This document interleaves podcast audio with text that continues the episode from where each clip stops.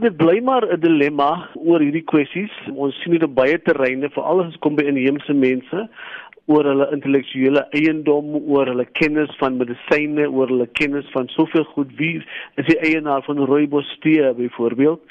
Maar vir my gaan hierdie 'n uh, kwessie daaroor dat daar met eerlikheid omgegaan is in hierdie film dat daar met uh, eerlikheid omgegaan is oor die geskiedkundigheid daarvan. Dit is nie 'n dokumentêre film nie dit is tog 'n film wat sê hy uh, word geïnspireer deur historiese feite.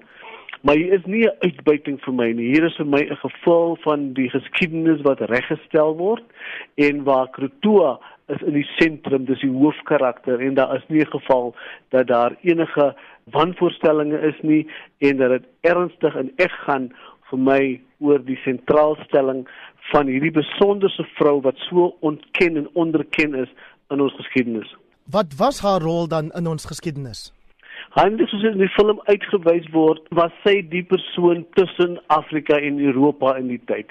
Sy was die persoon tussen die manne van die Khoi en die manne van die Hollanders. Sy was die persoon wat die onderhandelingstaal gebruik het sy het die middeweg gevind tussen die twee kulture wat so plofbaar was wat tot 'n sterftes kon gelei het in enkele gevalle wel maar sy kon aan beide gevalle die verskillende standpunte stel begrip daarvoor toon omdat sy al die kulture baie goed geken het al die tale baie goed geken het en dan daardeur op tot 'n oplossing kon gekom het.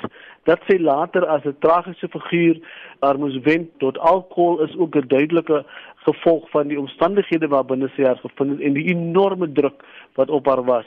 Maar dan kom sy aan die einde en sy staan op vir weer eens vir haar kultuur, weer eens vir haar herkoms waar sy vandaan kom en duidelik sê sy ek is nie een van die ek is Krotoa en julle het hier kom vat uit ons land uit wat nie julle sin is nie.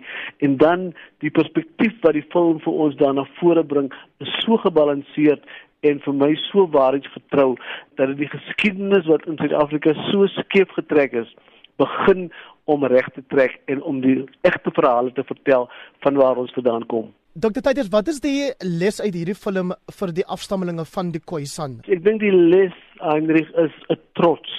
Is 'n geleentheid om trots te mag wees op jou herkoms, want vir jare, vir eeue amper wil mense sê, het ons hierdie geskiedenis ontken, het mense hulle identiteit bevraagteken, hulle menswees bevraagteken deur hierdie regstel van die verhaal van van Kurtua en daar is baie kwessies rondom dit wat histories nie heeltemal korrek is nie, maar as jy in die geheel kyk, dan skep dit vir my daai basis waar mense weer kan sê my erfenis is vir my mooi en ek is trots daarop.